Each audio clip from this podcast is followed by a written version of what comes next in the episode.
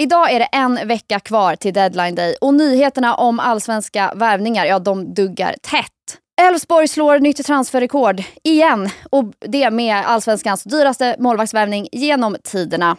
Anders Christiansen får dansk förstärkning i Malmö FF och Djurgårdens Carlos Gracia är nu klar för en finsk klubb. Du lyssnar på Expressen Fotboll med mig Elvira Ditman och Mattias Tengblad.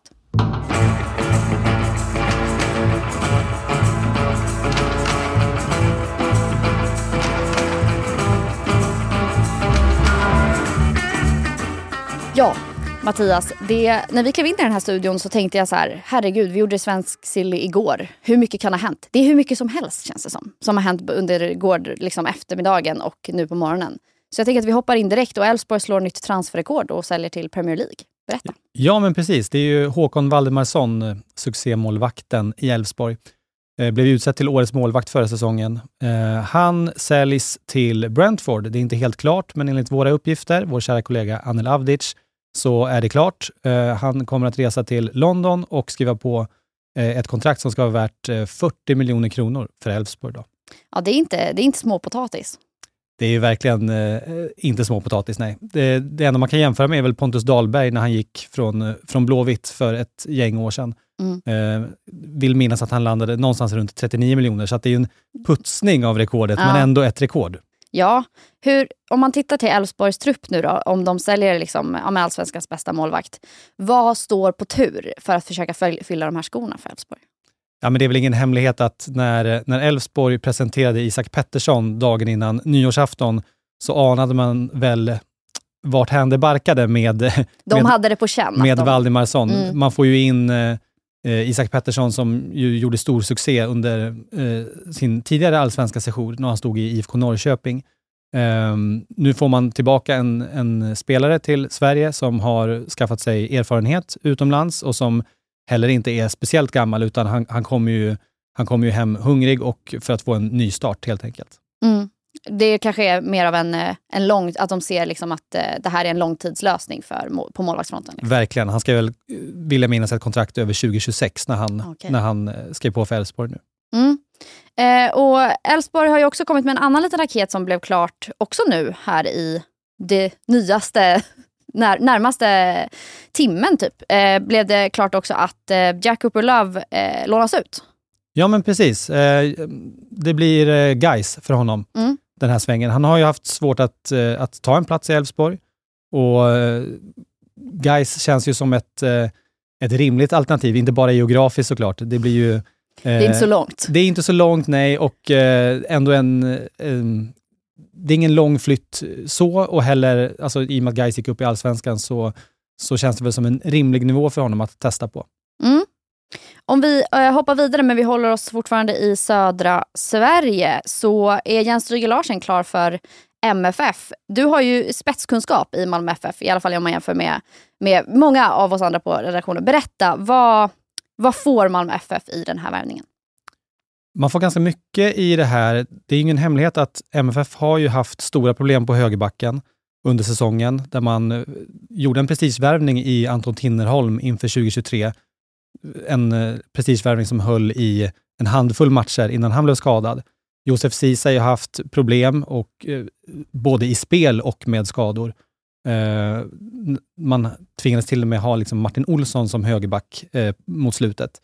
Eh, så att det här är ju en, en så kallad håll käften-värvning, skulle jag säga, av, av Daniel Andersson. En mm. väldigt typisk Daniel Andersson-värvning. För att han är, det är en spelare som kommer in med stor rutin. Han är eh, över 30. Eh, han, han kommer tillföra liksom mycket, mycket power i, i spelet. Han är duellstark.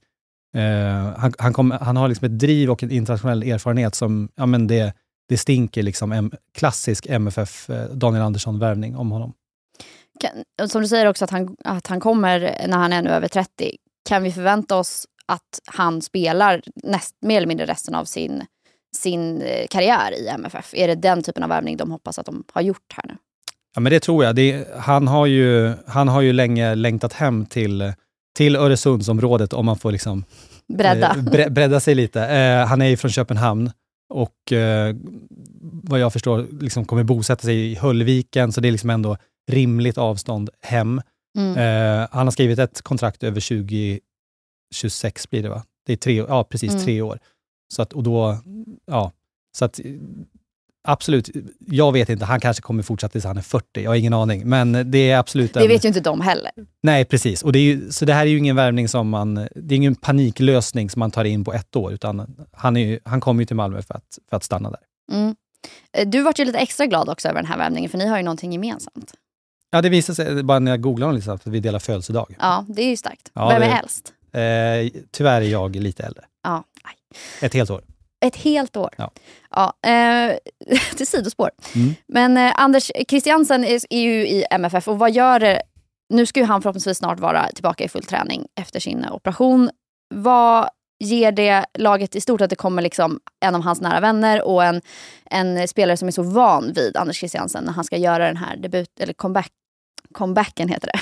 Mm. Jag tror att eh, alltså, på ett, på ett liksom sportsligt plan så ska man inte underskatta att spelare känner varandra väl.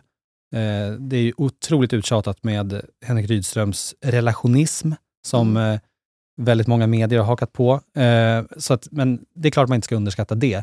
Sen tror jag liksom på ett personligt plan att liksom, det är väl alltid det är väl alltid kul att liksom ha sina nära vänner runt sig, givetvis.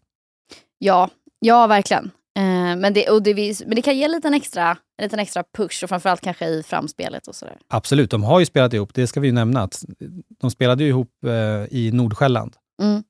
typ runt 2013. Och sen har de ju spelat med varandra i landslaget också. Så att det är klart, det, det är ju två spelare som, som känner varandra väldigt väl. Så är det. Välkommen till Coolbet där spänningen aldrig tar slut och underhållningen står i centrum. Här får du inte bara Sveriges bästa fotbollsodds, du får också en spelupplevelse som är rättvis, transparent och framförallt rolig. För oss handlar det om mer än bara spel. Det handlar om att ta en paus, att våga chansa och att kanske vinna stort. Det oväntade gör varje ögonblick unikt. För dig över 18 år, stödlinjen.se.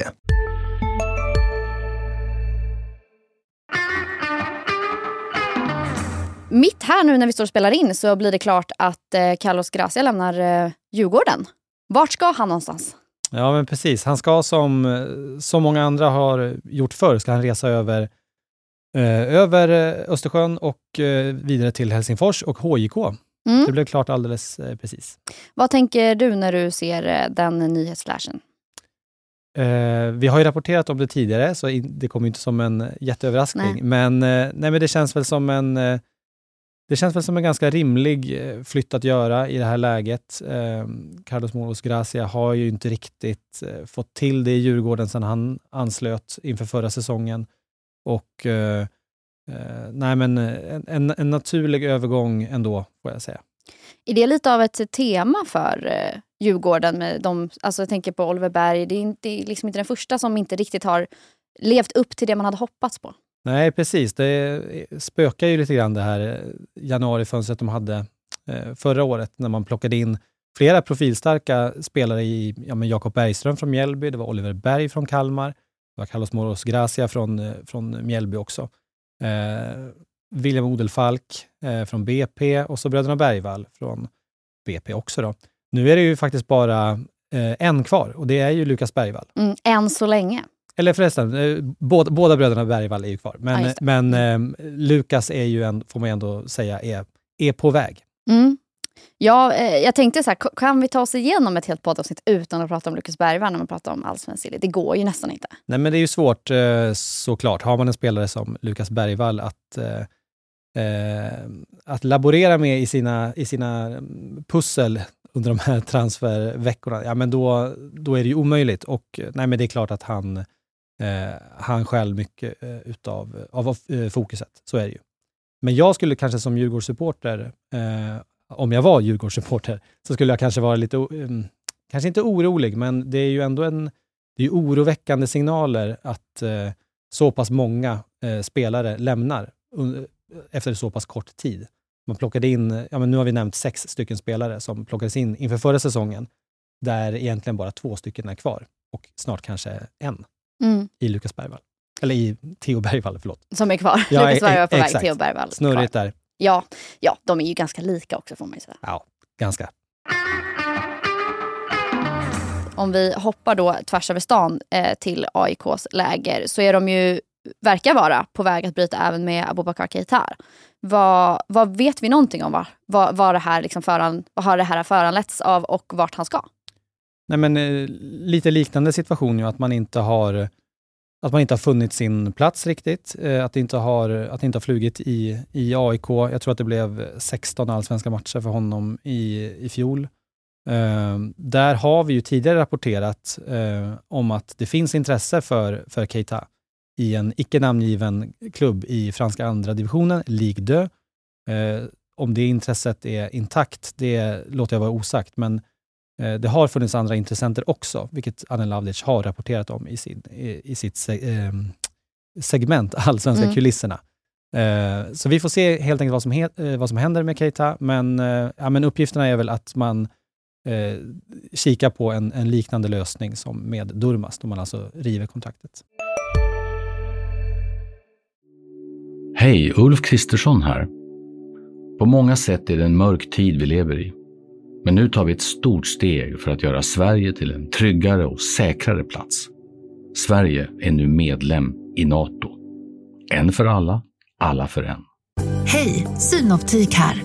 Hos oss får du hjälp med att ta hand om din ögonhälsa.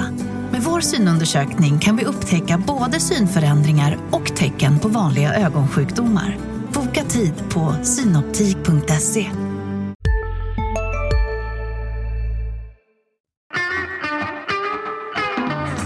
när vi har pratat lite om Djurgården, vi har pratat, det känns som att vi har kastat ett ganska brett nät när det kommer till våra olika... Ja, men vi har varit i Malmö, vi har varit i Elfsborg, vi har varit lite överallt här idag. Eh, är det något lag eller någon klubb när du ser till hur det här transferfönstret, det är inte slut än, mycket kan hända, men hittills som står ut lite extra, kanske lite extra bra, lite extra dåligt. Ja, men ett litet utropstecken vid någon klubb.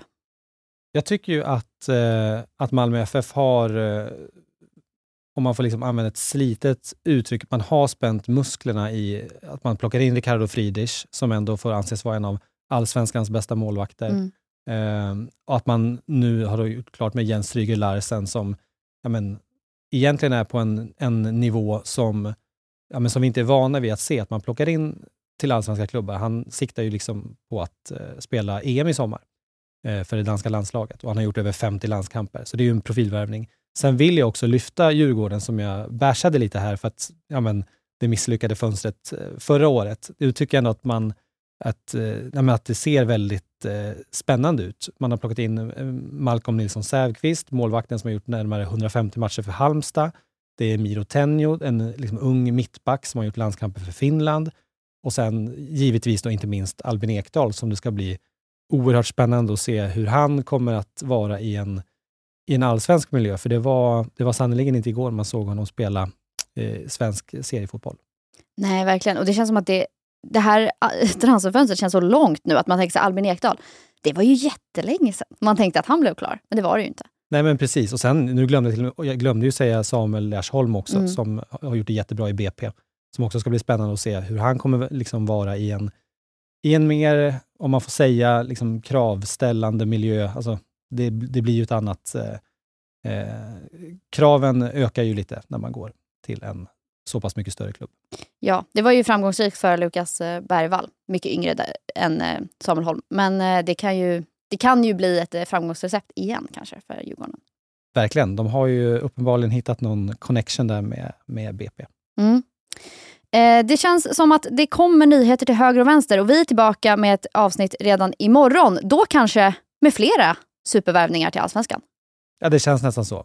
Det kanske kommer om eh, fyra minuter efter att vi har stängt av. Ja, så kan det vara. Så ser vi alldeles dumma ut. Ja, så Då tar vi det imorgon helt enkelt. Tack för att ni har lyssnat.